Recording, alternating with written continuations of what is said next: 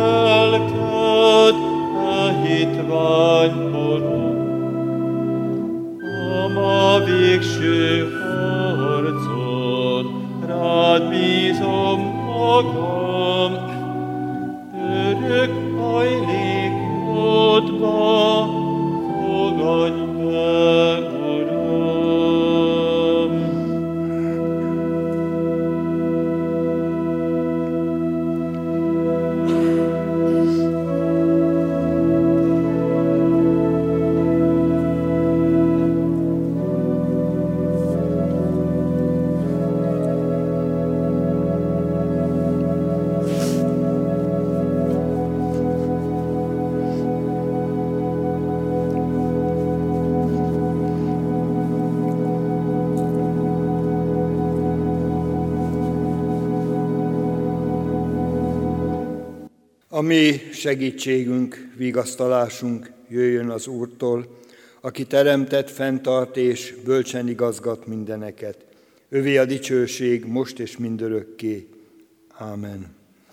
Együtt mondjuk el fennállva testvéreim, hitünk megvallásaképpen az apostoli hitformát, az egyetemes keresztény egyház hitvallását következőképpen. Hiszek egy Istenben, mindenható atyában, mennek és fölnek teremtőjében, és Jézus Krisztusban, az ő egyszülött fiában, a mi Urunkban, aki fogantatott Szentlélektől, született Szűz Máriától, szenvedett Poncius Pilátus alatt. Megfeszítették, meghalt és eltemették. Alászállt a poklokra. Harmadnapon feltámadt a halottak közül, fölment a mennybe, ott ül a mindenható Atya Isten jobbján. Onnan jön el ítélni élőket és holtakat.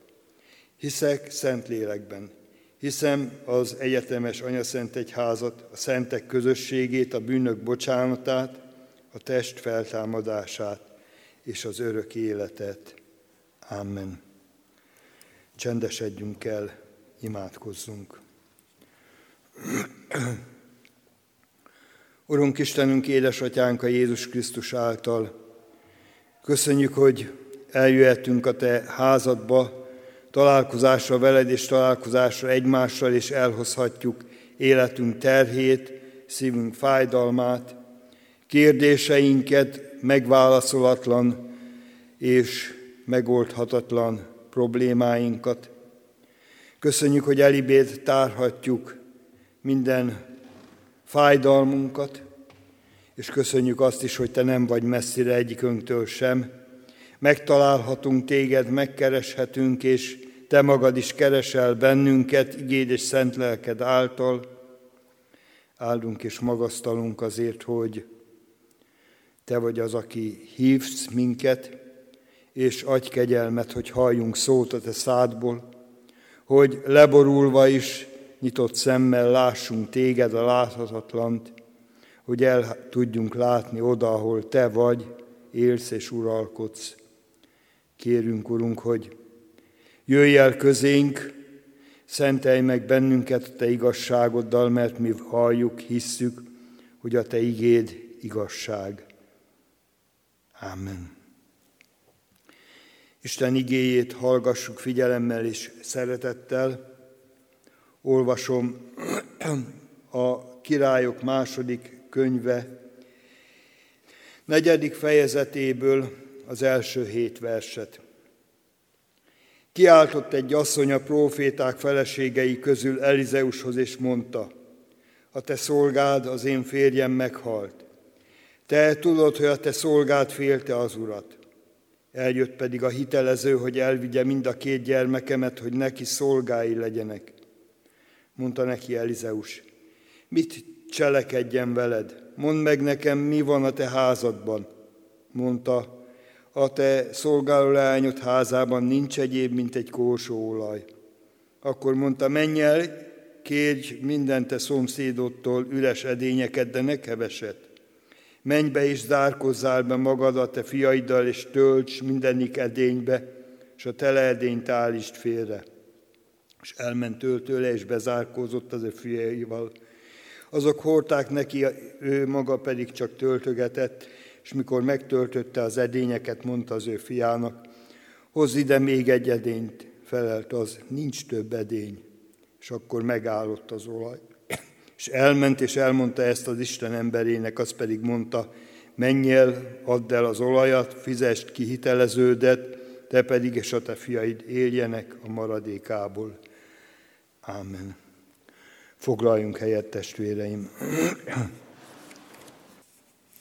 A felolvasott ige szakasz szerint valaki kiáltott. Egy asszony kiáltott, és ez a kiáltás gyenge, kevesen hallják. De az Isten meghallotta. És elmondta Elizeusnak is, és Elizeus is el, meghallotta ezt a kiáltást. Ha te kiáltasz, az Isten ezt meghallja, és majd ő szól, hogy más is hallja meg, aki által segítséget tud nyújtani neked, aki által talán éppen vigasztalásra van szükséged, vagy erősítésre, bátorításra, mert a suttogások és sikolyok eljutnak ő hozzá a mindenhatóhoz. Ha életedben csalódás, félelem, vagy pont gyász is, mint a mostani alkalommal is, szeretnénk vigasztalni mindazokat, akik gyász terhét hordozzák, vagy gyászos emlékei vannak szívükben, és nem tudnak a terhektől szabadulni. Merj kiáltani. Ősi Zsoltálunk, a 90. Zsoltár nem véletlenül tesz bizonyságot arról, hogy a mi eleink te benned bíztak. Bíztak benned, és nem csalódtak, és megtapasztalták a te segítségedet. Aki bízik Isten segítségében, az megtapasztalja azt. Bíztak, és nem szégyenültek meg. Sok előzménye lehet annak, amíg valaki másoktól kér segítséget. Ez asszony életében is így volt. Meghalt a férje, aki próféta volt.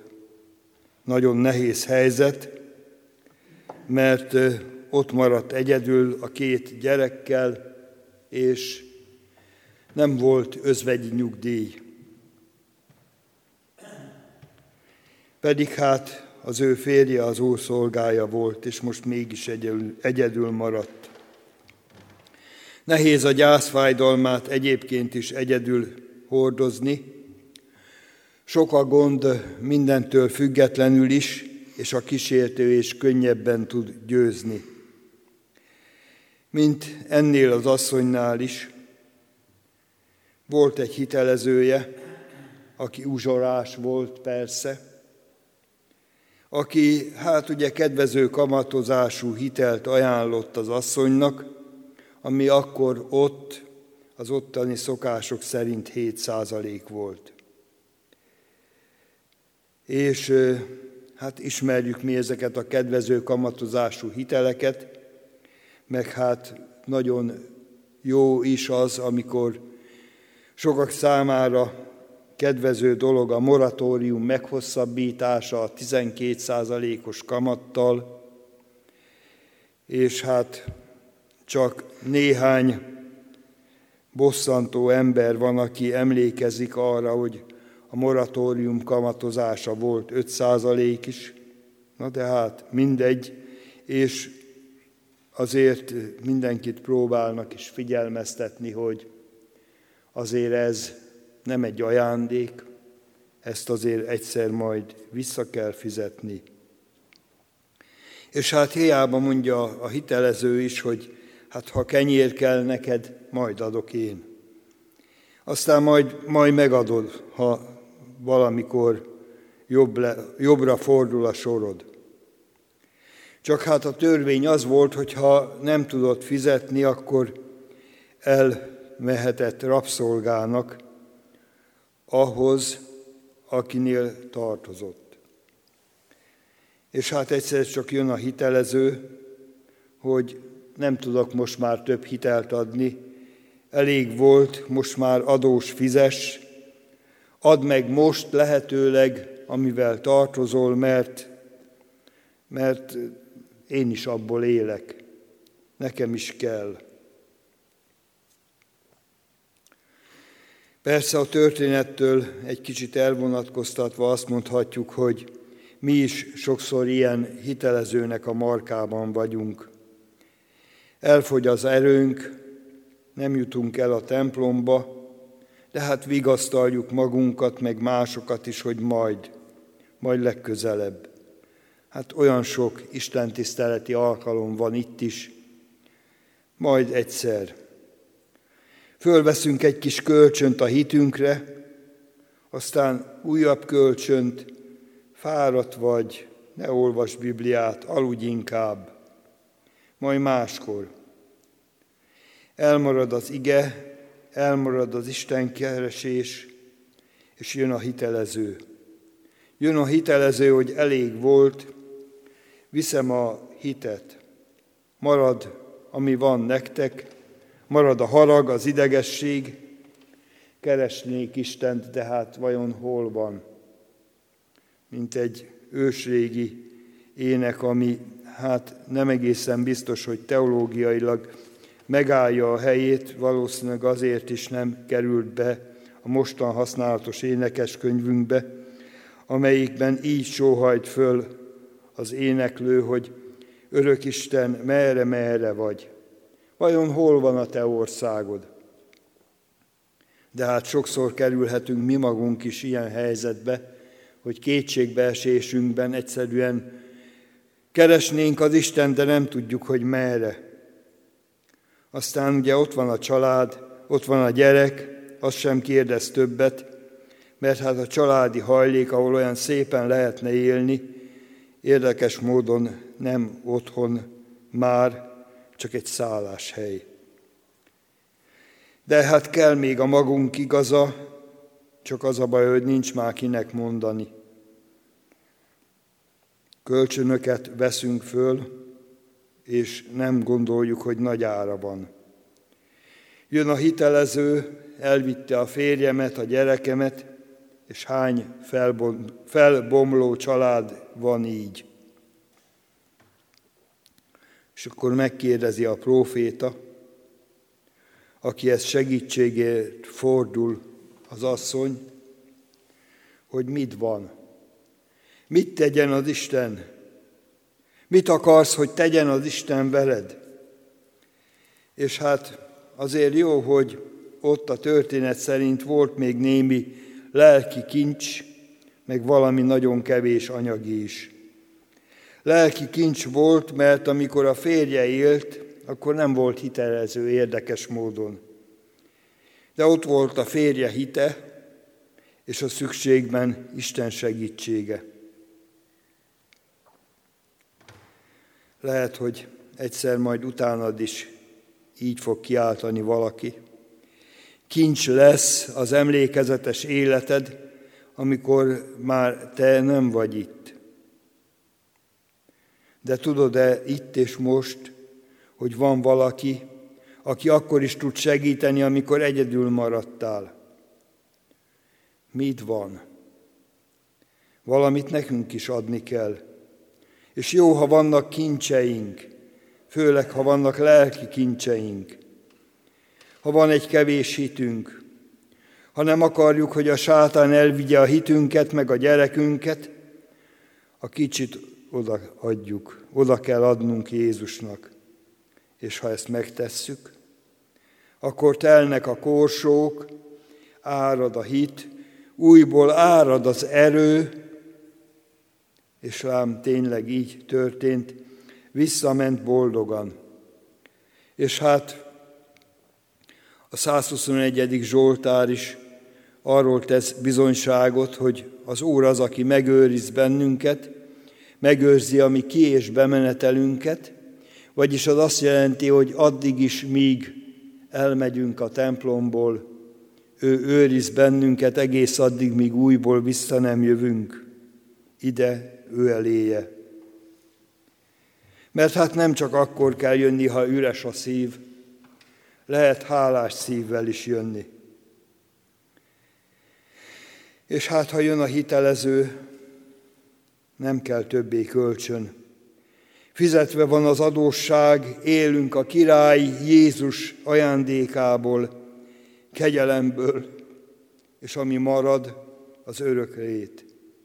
És itt a földön megvigasztalódva, még a gyász fájdalmaiban is az ő békéje alatt, érezzük, valljuk, amit a 480. dicséretünk így foglal össze, érzem, hogy az örök élet már a földön az enyém lett.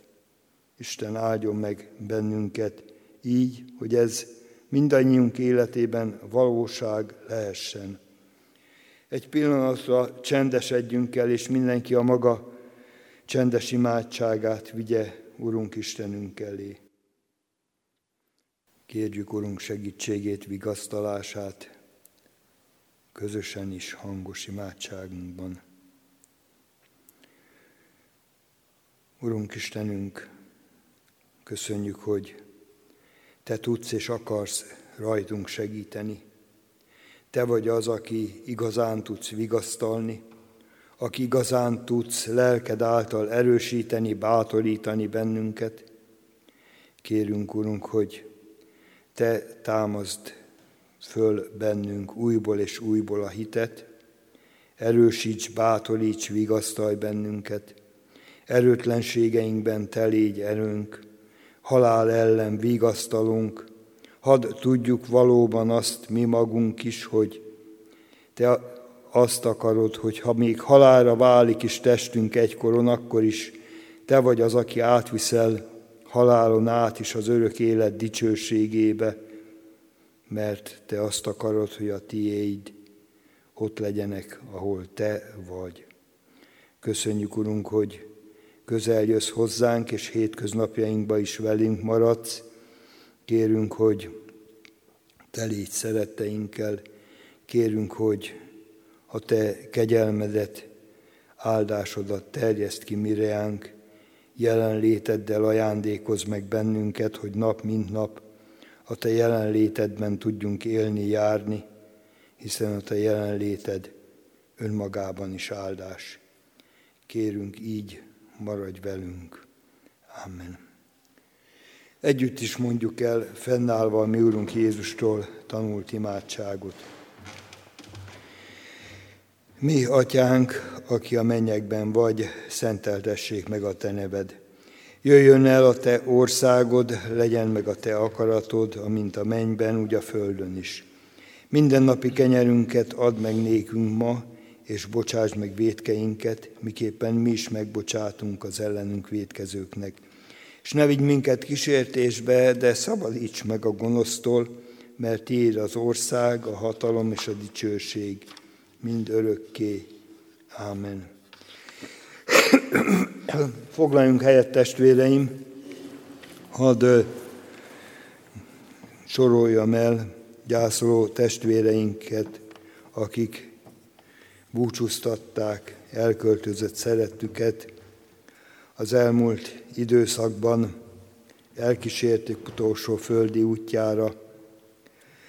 Capári Kálmán testvérünket, aki 65 esztendőt élt meg közöttünk. Csapó Józsefné Madi Eszter 94 esztendőt élhetett közöttünk. Fülöp Istvánné Horváth Margit 87 esztendőt volt közöttünk. Gonda Gergely 82 esztendős korában távozott a minden élők útján. Kovács Béláné Ócsai Györgyi 81 éves korában hunyt el. Kovács Jánosné Simon Erzsébet 84 éves korában távozott. Kusztos Péter 73 éves volt. Márton Miklósné Gyarmati Ilona 87 éves korában távozott. Matolcsi Huba György 91 éves korában távozott a minden élők útján. Hasonlóképpen Nagy Mátyásné Jákás Mária 91 éves korában. Nagy György Károlyné született Por Lídia 93 éves korában távozott. Patai Lajos 77 éves volt. Patak Jánosné Kozma Mária 91 éves volt. Somogyi Endre Tamás 51 éves korában távozott a minden élők útján. Valkai József pedig 57 éves korában távozott közülünk. Isten adjon vigasztalást gyászoló és emlékező szerettei számára. A záróéneket említem, a 455. dicséretünknek az első és az utolsó kilencedik versét énekeljük majd, a 455. dicséretünk. Testvérek, menjünk bátran, hamar leszáll az éj, és végül elmúlik nem sokára a földi vándorút.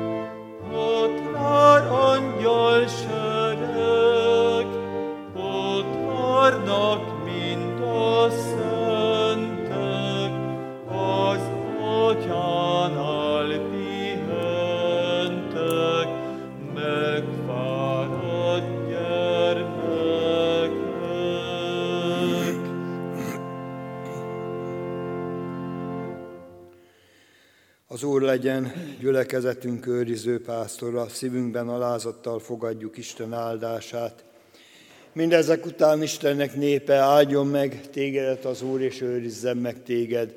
Világosítsa meg az Úr az orcáját te rajtad, és könyörüljön rajtad, fordítsa az Úr az orcáját tereád, és adjon te néked békességet.